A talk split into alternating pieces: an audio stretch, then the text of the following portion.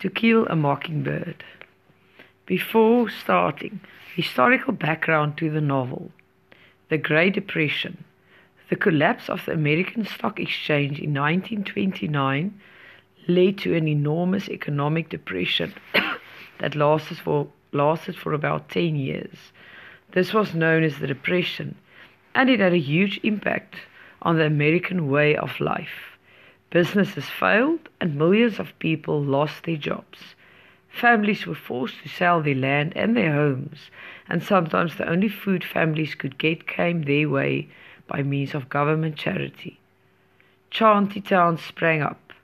People who could not find jobs became accustomed to riding the railways, searching for any means of support.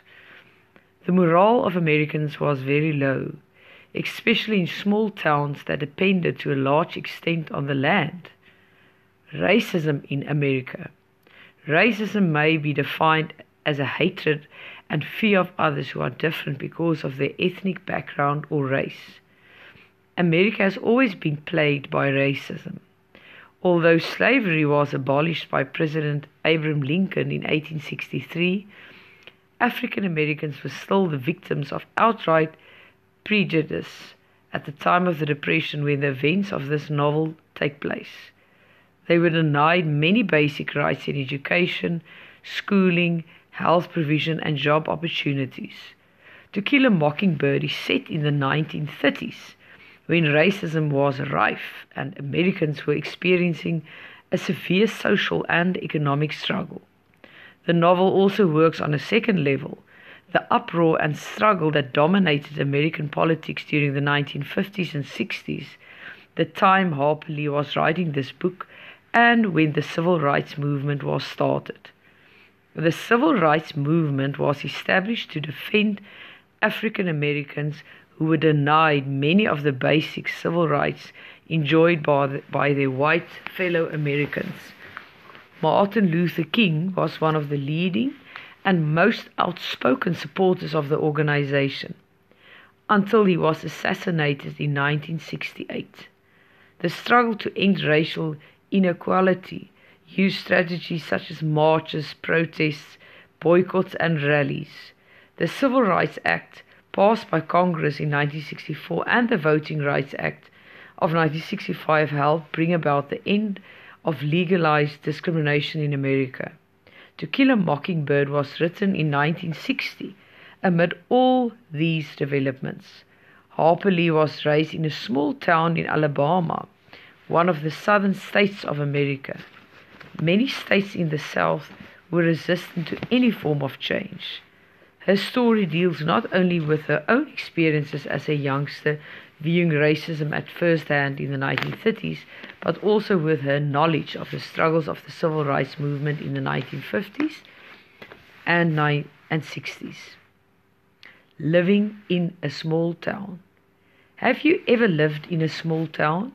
It's quite different from living in a big city such as Johannesburg or Cape Town.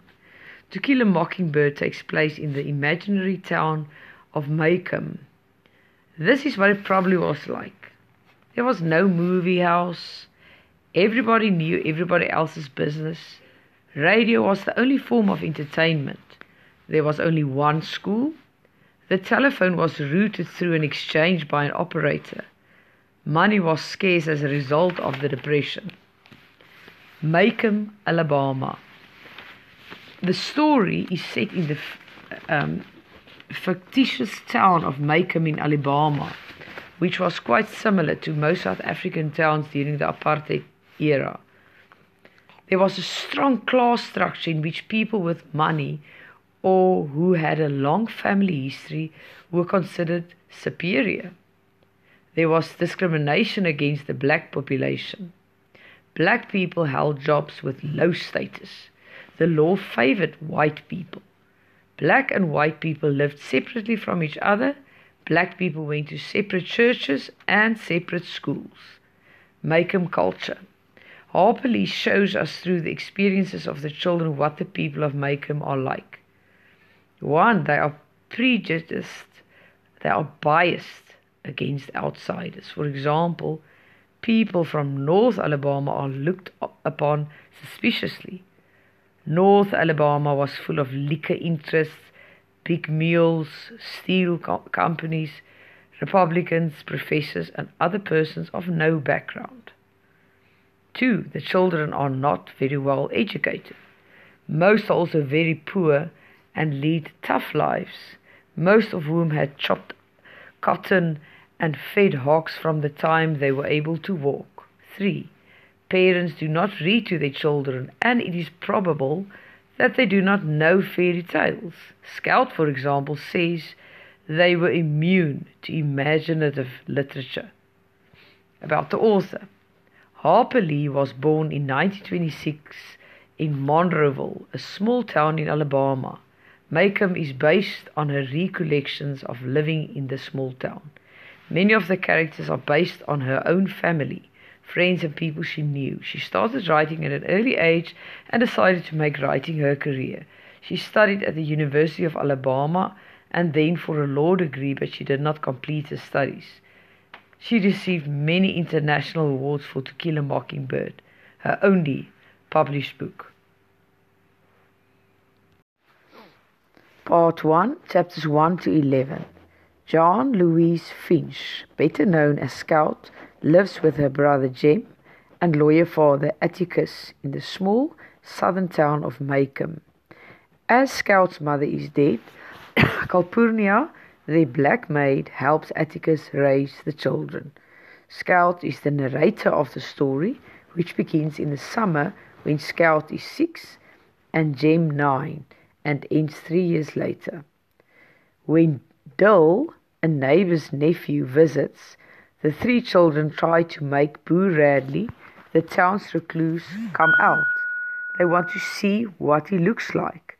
The children play the Boo Radley game, in which they portray him as a monster. Atticus scolds them, forbidding them to torment Boo. Scout begins school, where she is very unhappy. Over some time, the children find gifts in a knothole of an oak tree. Jem rightly assumes that these are from Boo. These gifts stop when Nathan Radley, Boo's brother, cements up the knothole. During this time, Atticus is called upon to defend Tom Robinson, a black man who stands accused, accused of raping Mayela Ewell, a white young woman. The Finch family is victimized by the racist townspeople. Only Miss Maudie, their neighbor, is tolerant and non racist. Scout, who usually settles disagreements with her fists, is called upon to show the same restraint as Jim. Aunt Alexandra, Atticus' sister, comes to stay with the purpose of supporting her brother and turning the tomboy scout into a lady. The children come to appreciate their father's talent when he shoots a rabid dog, Tim Johnson. They view him with admiration, especially when they learn his nickname is All One Shot. Jem and Scout generally tolerate nasty remarks about their family, father's defense of a ne- Negro. However, when Jim loses his temper and breaks Mrs. DeBose's camellias, he has to read to her as punishment. After Mrs. DeBose's death, Jim learns to see her more clearly and balance her courage against her vindictive nature.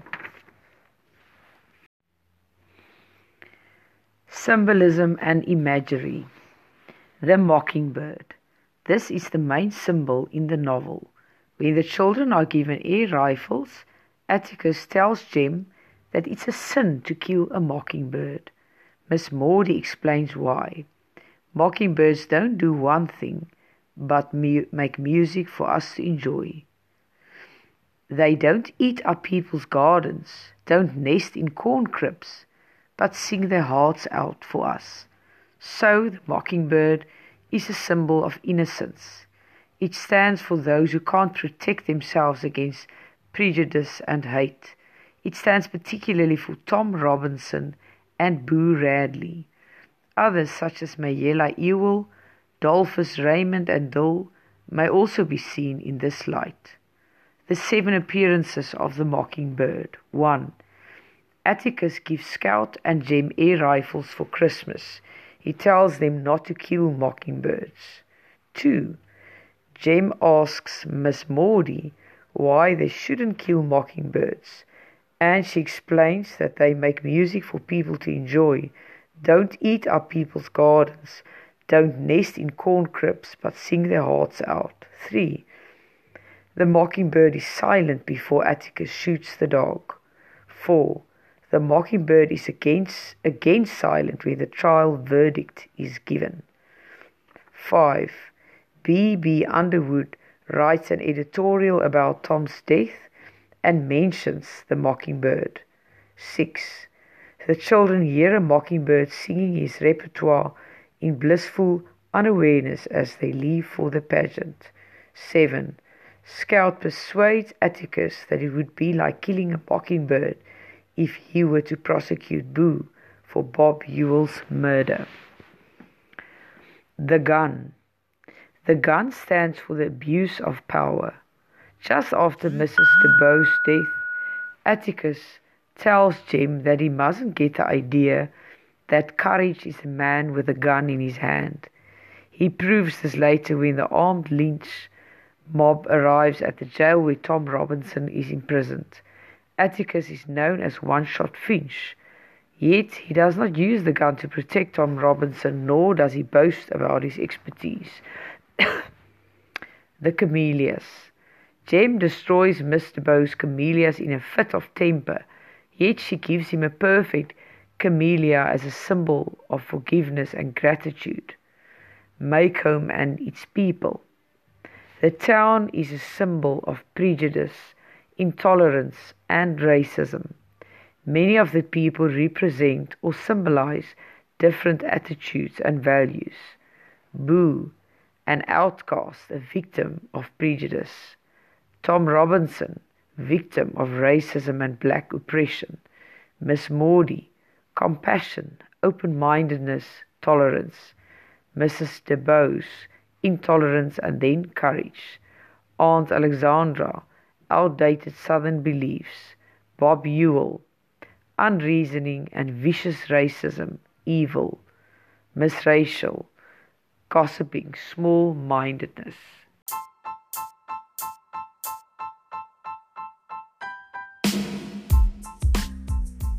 Role of conflict. An important element of the plot in a novel is conflict, which creates the tension to keep readers interested in a story. Two types of conflict are used to develop tension and excitement internal and external conflict. Internal conflict is the struggle that a character has with his or her own thoughts. In To Kill a Mockingbird, Atticus is unsure whether he is doing the right thing by his children by defending Tom Robinson, and as the story progresses, Scout and James struggle to see Boo Radley as the monster they originally created in their minds. External conflict is a struggle with other characters, society, or nature. Two of the biggest external conflicts in the novel are the Ewells accusing Tom Robinson of rape and the view of some of the townspeople that Atticus should not be defending a black man. Role of narrator. A first person narrator brings a greater focus on feelings, opinions, and perceptions by describing their personal experiences as a character in the story. In To Kill a Mockingbird, the events are seen through the eyes of a young child scout who, at the time of the story, is between 6 and 8 years old. As the reader understands the story through the narrator's point of view, we see the characters and situations through Scout's eyes. The narrative perspective is naive, as Scout's descriptions of events are literally how she experiences them, without commentary or explanation of what they mean, but the reader believes her to be honest and therefore accepts her perceptions as valid.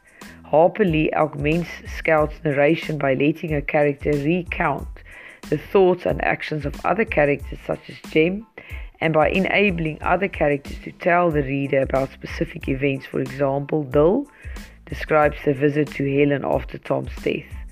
Further, the author overcomes the potential problem of presenting adult themes by means of a child narrator by using Scout to ask pertinent questions and Atticus to explain certain models in a simple manner. Ontwikkelingsgeografie, die konsep van ontwikkeling. Ontwikkeling toon dat 'n land se ekonomies en maatskaplike toestande verbeter het danksy goeie bestuur van die natuurlike en menslike hulpbronne om rykdom te skep en die lewensgehalte van mense wat daar woon te verbeter. Wat die tegnologie wat met ontwikkeling verband hou? Ons het ontwikkelende lande en ontwikkelende lande. By ontwikkelende lande het ons eerste wêreld, hoë inkomste, noord geïndustriële lande, welvarend, meer ekonomies ontwikkelde lande of MEOL. En dan by die ontwikkelende lande, swak, derde wêreld, nie geïndustrialiseerde lande, lae inkomste, suid, minder ekonomies ontwikkelde lande of klein letter M E O L E. kyk ons na daai figuur. So eerste wêreldlande het ontwikkeling ondergaan danksy kapitalisme of danksy 'n markekonomie. Tweede wêreldlande het ontwikkeling langs 'n sosialistiese wegbreek deur staatsbeheer, ISSR. Derde wêreld was steeds besig om te ontwikkel en is in die algemeen armer. Die noord-suid verdeling en brandverdeling. Noord 20% van die wêreld se bevolking woon hier. 80% van die wêreld se inkomste word hier verdien. Die lewensverwagting is langer as 70 jaar. Daar's voedselsekuriteit, hoë geletterdheidsvlakke en meeste mense het toegang tot veilige water en sanitasie. Dan as ons vergelyk met Suid, 80% van die wêreld se mense leef hier. 20% van die wêreld se inkomste word hier verdien lewensverwagting is minder as 50 jaar. Daar's voedselonsekerheid, lae geletterdheidsvlakke, beperkte toegang tot veilige water en sanitasie. So as ons 'n vraag kry om die ryk noorde en arm suide te vergelyk, kan mens onthou 20% van die wêreld se bevolking woon in die noorde en die ander 80% woon in die suide. 80% van die wêreld se inkomste word noord verdien, 20% van die wêreld se inkomste word suid verdien. Noord is die lewensverwagting langer as 70 jaar, suid is dit minder as 50 jaar.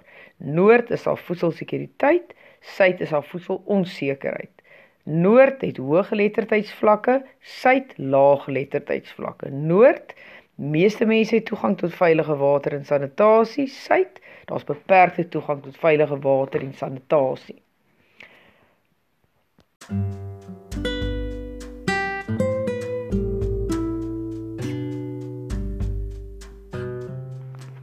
Liefde en respek. Dr Emerson Egerix. Liefde alleen is nie genoeg nie. Jy onthou miskien nog hoe die Beatles gesing het. All you need is love. Ek verskil radikaal van die gevolgtrekking. 5 uit 10 huwelike loop vandag op egskeiding uit omdat die liefde alleen nie genoeg is nie. Ja, liefde is noodsaaklik veral vir die vrou. Maar wat ons misgekyk het is die man se behoefte aan respek. Hierdie boek handel oor hoe die vrou haar behoefte aan liefde kan vervul deur vir haar man te gee wat hy nodig het, respek. Hier volg die verhaal van een egpaar wat die liefde en respek boodskap net betyds ontdek het. Ek en my man het jou liefde en respek huwelik seminar bygewoon. 'n Paar dae tevore het ons weer in 'n kranksinnige kringloop verval en besluit tot hier toe en nie verder nie. Ons gaan ons huwelik beëindig. Ons was albei seer gemaak, hartseer, kwaad en moedeloos. Terloops, ons is albei gelowige mense en ek is 'n personeel lid van 'n groot kerk. Ons was voorheen by 'n Christen huweliksberader en ek kan eerlik sê dat jou seminar nie net ons huwelik gered het nie, maar ons eintlik meer gehelp en meer inligting en strategieë gebied het as wat berading kon doen. Ons het as 'n laaste desperate poging besluit om na die seminar toe te gaan, maar my man het nie regtig geglo dit sou help nie en het so hitte te nie saamgegaan nie. Die waarhede wat God aan jou openbaar het, is te gelyk eenvoudig en diepgaande. Dit het 'n genesingsproses aan die gang gesit en ons huwelik totaal omgekeer. As ons hierdie inligting maar 30 jaar gelede gehad het, sou dit ons oneindige hartseer en pyn gespaar het.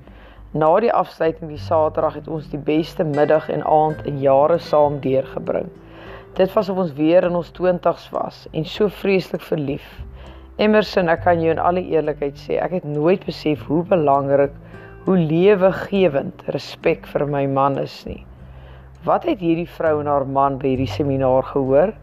Wat het hulle huwelik omgekeer? Wat het veroorsaak dat twee mense wat Vrydag op die punt was om te skei, die volgende dag soos twee jong verliefdes rondloop? Die boek wat jy in jou hand hou, is die boodskap wat hierdie egpaar gehoor het. Hierdie verhaal is een van duisende briewe en mondelingse bevestigings wat ek ontvang het wat getuig oor wat kan gebeur wanneer 'n man en 'n vrou 'n ander benadering tot 'n huweliksverhouding begin volg. Wil jy graag vrede hê? Wil jy weer naby aan jou huweliksmaat voel? Wil jy voel dat jy verstaan word? Wil jy graag die huwelik beleef soos God dit bedoel het? Probeer dan 'n bietjie liefde en respek. Hierdie boek is vir enigiemand bedoel. Mense in 'n huwelikskrisis, egpare op die pad na egskeiding, mans en vroue in 'n tweede huwelik, persone wat gelukkig getroud wil bly, iemand wat met 'n ongelowige getroud is, geskeide persone wat genesing probeer vind. Vroue wat eensaam is in die huwelik, mans wat onder die pantoffelregering staan. Getroude persone wat affairs aangeknoop het, slagoffers van affairs, verloofde paartjies, leraars of beraders wat materiaal soek wat huwelike kan red. Ek weet dat ek baie beloof en ek sou nie daarvan gedroom het om dit te doen tensy ek vas oortuig was dat wat ek vir jou wil sê werk nie. Hieronder volg nog voorbeelde van hoe huwelike omgekeer is wanneer mans en vroue die boodskap van liefde en respek ontdek en begin om dit elke dag uit te leef. Dit is nou 'n jaar sedert ons die liefde en respek seminaar bygewoon het. Dit is die kragtigste boodskap oor huwelik wat ek en my man nog ooit gehoor het. Ons praat gereeld oor die beginsels wat ons daardie spesiale naweek geleer het. Ons sit by mekaar op die bank en gaan deur die couple en chairs om te sien waar ons die spoorbuister geraak het. Ons ervaar sulke ongelooflike vreugde om dinge op God se manier te probeer doen en dan te sien hoe hy ons seën. Net 'n paar dae gelede het ek besluit om vir my man te sê dat ek hom respekteer. Dit het so ongemaklik gevoel om die woorde te sê, maar ek het deurgedruk en die reaksie was ongelooflik. Hy het vir my gevra hoekom ek hom respekteer. Ek het 'n paar dinge genoem en gesien hoe sy houding net daar voor my oë verander. Ek is hartseer dat ek reeds 22 jaar getroud is en nou eers die respek boodskap begryp. Ek het vir my man twee briewe geskryf oor hoekom ek hom respekteer. Ek is verstom hoe dit sy reaksie teenoor my versag het. Ek bid al jare lank dat my man moet lief wees vir my en my liefdestaal moet praat. Maar toe ek sy taal begin praat, het hy daarop geantwoord met wat ek wou hê. Die brief hierbo is tipies van die wat ek elke week ontvang, indien nie elke dag nie van mense wat insig verkry het deur die sleutelvers uit die skrifte begryp wat die grondslag van hierdie boek is. Geen man het teere gevoelens van liefde en toegeneentheid as hy glo sy vrou het minagting vir wat hy as mens is nie. Ironies genoeg word die diepste behoefte van die vrou om bemin te voel deur haar gebrek aan respek ondermyn. Maar verstaan asseblief dat wat ek vir jou kan sê nie 'n towerstaf is nie. Partykeer vervaag die opgewondenheid wat 'n egpaar na een van ons seminare beleef binne 'n paar dae of weke en gee hulle aan dieselfde ou probleme toe, die kranksinnige kringloop. Ek wil alle egpare wat van die krag van liefde en respek wil leer, graag aanroep om dit vir 6 weke lank op proef te stel. In daardie tyd kan hulle sien hoe ver hulle gekom het en hoe ver hulle nog moet gaan. Die reis na 'n bevredigende huwelik soos God dit bedoel het, is nooit verby nie. Maar tydens 3 dekades se berading aan mans en vroue in die huwelik het ek ontdek wat enige huweliksverhouding kan verander, versterk of verbeter. Ek noem dit die liefde en respek verband. En ek en my vrou Sarah is besig om hierdie boodskap oor die hele Amerika te versprei. Ons sien hoe God op wonderbaarlike maniere werk wanneer mans en vroue hulle heel hartig aan hierdie Bybelse onderwerp vir huwelik onderwerp. Ons sien hoe dit ons eie in ons eie huwelik werk en ons ontdek steeds nuwe seëninge na mate ons mekaar met liefde en respek leer behandel. As jy in jou huweliksmaat die liefde en respek verband gaan toepas, is die potensiaal vir die verbetering van julle huwelik onbeperk, soos een vrou geskryf het. Ek wil jou graag laat weet, ek het dit gesnap. God het my die openbaring gegee dat ek my man moet respekteer. Hierdie openbaring het alles in my huwelik verander. My benadering, my reaksies, my verhouding met God en my man. Dit was die stukkie van die huwelikslegkaart wat ontbreek het. Vir baie egpare is respek inderdaad die ontbrekende stukkie. Lees verder. Ek ek sal vir jou wys wat ek bedoel.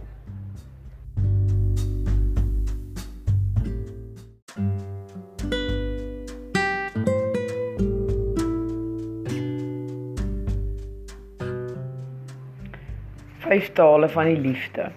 Wat word van die liefde na die troue? Ons was 9000 meter bo die aarde toe hy sy tydskrif in die sakkie teen die sitplek druk, na my toe draai en vra: Watter soort werk doen jy?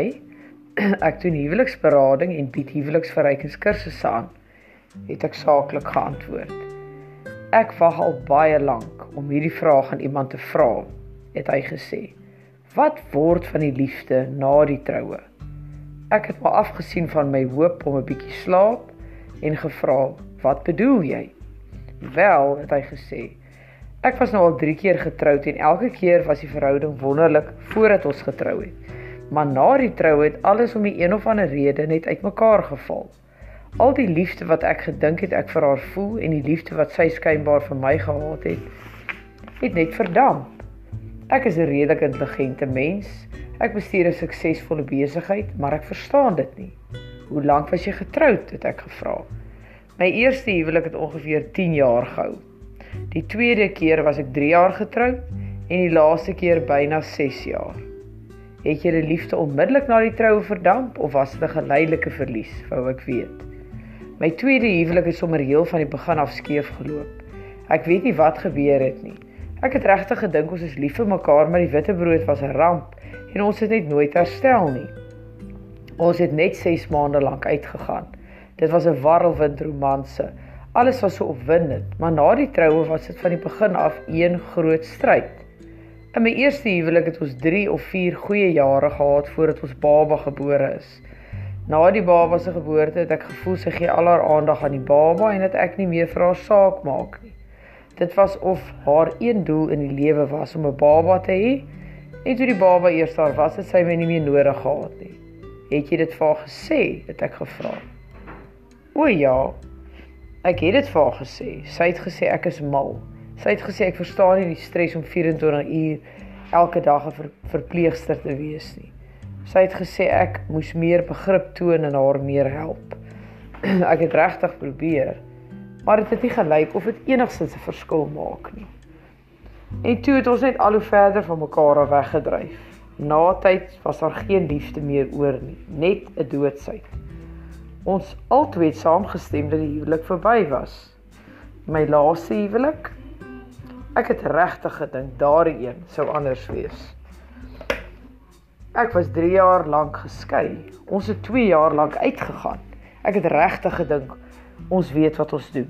Ek het gedink dat ek dalk vir die eerste keer in my lewe weet wat dit beteken om iemand lief te hê. Ek het werklik gevoel dat sy my ook liefhet. Ek dink nie ek het na die troue verander nie. Ek het aangehou my liefde vir haar te wys, soos voor ons troue. Ek het vir haar gesê hoe mooi sy vir my is. Ek het vir haar gesê hoe lief ek haar het. Ek het haar vertel hoe trots dit my maak om haar man te wees. Maar 'n paar maande na die troue het sy begin kla. Eers oor nietige dinge, ek sit nie die volle sakke uit of hang my klere op nie. Later het sy my persoonlikheid begin aanval en vir my gesê sy kan my nie meer vertrou nie. Sy het my daarvan beskuldig dat ek nie getrou aan haar was nie. Sy het 'n totaal negatiewe mens geword. Voor ons troue was sy nooit so negatief nie. Sy was een van die positiefste mense wat ek al ooit ontmoet het. Dit was in werklikheid een van die eienskappe wat my na haar toe aangetrek het. Sy het nooit oor enigiets gekla nie. Alles wat ek gedoen het was wonderlik. Maar toe ons eers getroud was, kon ek skynbaar niks reg doen nie. Ek weet eerlikwaar nie wat gebeur het nie. Uiteindelik het ek al het ek al my liefde vir haar verloor en 'n wrok teen haar begin koester. Dit was duidelik dat sy glad nie lief was vir my nie. Ons het saamgestem dat dit geen voordeel ingehou het om langer 'n lewe te deel nie.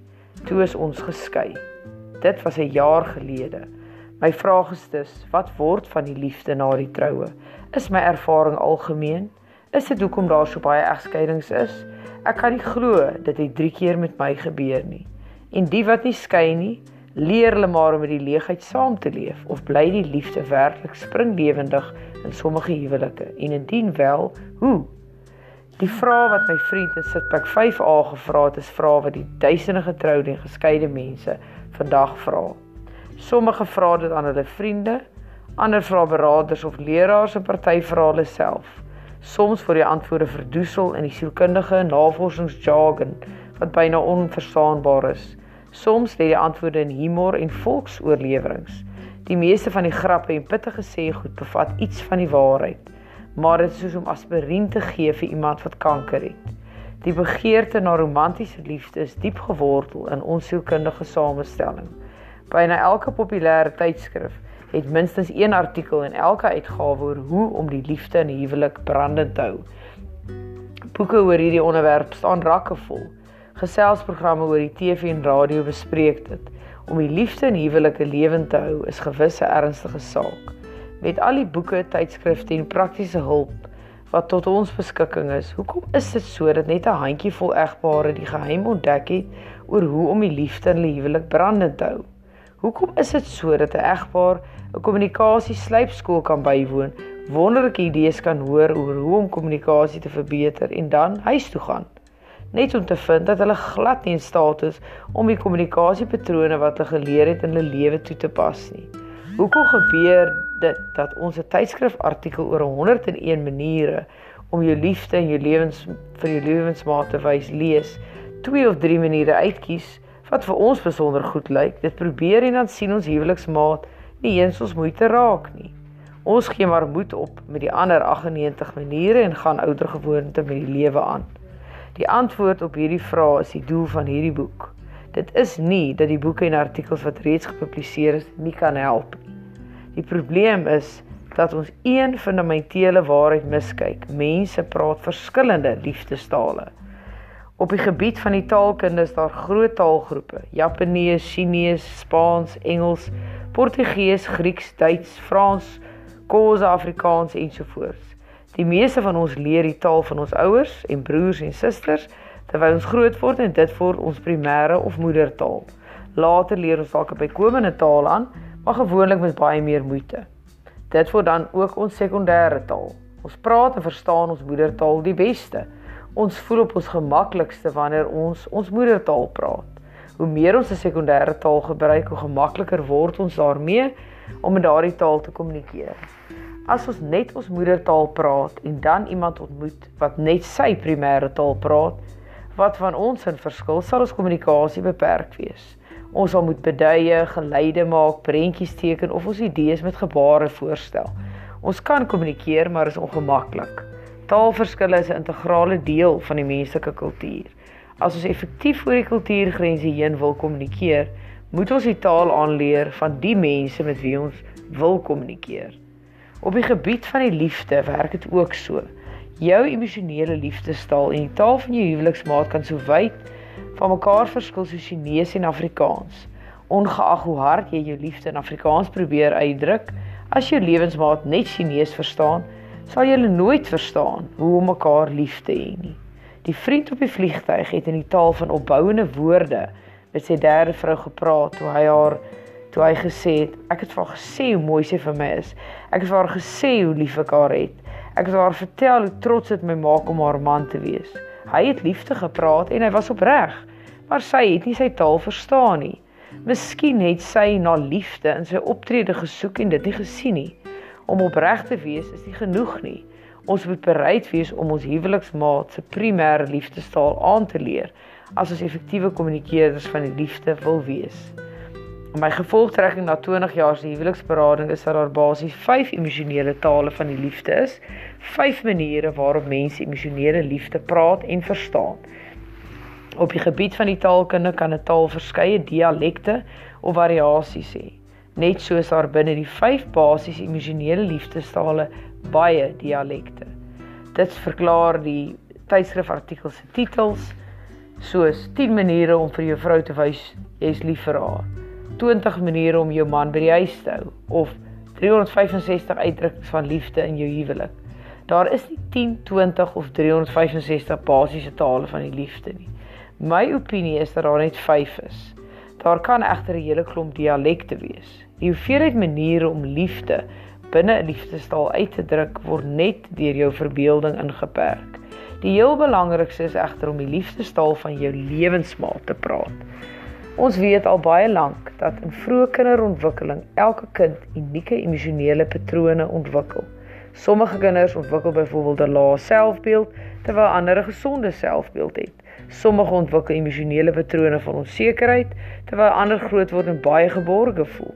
Sommige kinders word groot met die wete dat hulle geliefd, welkom en gewaardeerd is, terwyl ander kinders groot word met die gevoel dat hulle ongeliefd, onwelkom en ongewaardeerd is. Die kinders wat ervaar dat hulle ouers en portuïergroep hulle liefhet, sal 'n primêre taal van die liefde aanleer wat gebaseer is op hulle unieke sielkundige samestelling en op die manier waarop hulle ouers en ander belangrike mense liefde aan hulle bewys het. Hulle sal een primêre liefdestaal praat en verstaan. Hulle kan dalk later 'n sekondêre liefdestaal aanleer, maar hulle sal altyd op hul gemaklikste voel met hulle primêre taal. Kinders wat voel dat hulle ouers en portuïergroep hulle nie liefhet nie, sal ook 'n primêre liefdestaal aanleer. Dit sal eg egter effens verwronge wees op dieselfde manier as wat sommige kinders nie goeie grammatikale vaardighede aanleer nie. Daardie slegte programmering beteken nie dat hulle nie goeie kommunikeerders kan word nie, maar dit beteken wel dat hulle harder sal moet werk as die wat 'n positiewer voorbeeld gehad het. Net so kan kinders wat groot geword het met 'n onderontwikkelde ervaring van emosionele liefde ook later ervaar dat iemand hulle liefhet en leer om liefde te kommunikeer sodat hulle sal harder daaraan moet werk as die wat groot geword het in 'n gesonde, liefdevolle atmosfeer. Dit gebeur selde dat 'n man en vrou dieselfde primêre emosionele liefdestaal praat. Ons is geneig om ons primêre liefdestaal te praat en raak verward wanneer ons lewensmaat nie verstaan wat ons probeer kommunikeer nie. Ons druk ons liefde uit, maar die boodskap kom nie deur nie omdat ons 'n taal praat wat vir ons lewensmaat vreemd is. Hier lê die fundamentele probleem en dit is die doel van hierdie boek om 'n oplossing aan te bied. Dit is hoekom ek dit waag om nog 'n boek oor die liefde te skryf. As ons eers die vyf basiese tale van die liefde ontdek het en ons eie primêre liefdestaal verstaan, sowel as die primêre liefdestaal van ons lewensmaat, sal ons al die nodige inligting hê om die idees in al die boeke en tydskrifartikels toe te pas. As jy eers jou maat se primêre liefdestaal geïdentifiseer en geleer het om dit te praat, glo ek dat jy die sleutel tot 'n langdurige liefdevolle huwelik ontdek het. Liefde hoef nie te verdamp na die troue nie, maar om die liefde brande te hou, sal die meeste van ons baie moeite moet doen om 'n sekondêre liefdestaal aan te leer. Ons kan nie op ons moedertaal staat maak as ons lewensmaat dit nie verstaan nie. As ons wil hê ons maat moet die liefde ervaar wat ons probeer kommunikeer, moet ons dit in sy of haar primêre liefdestaal uitdruk. you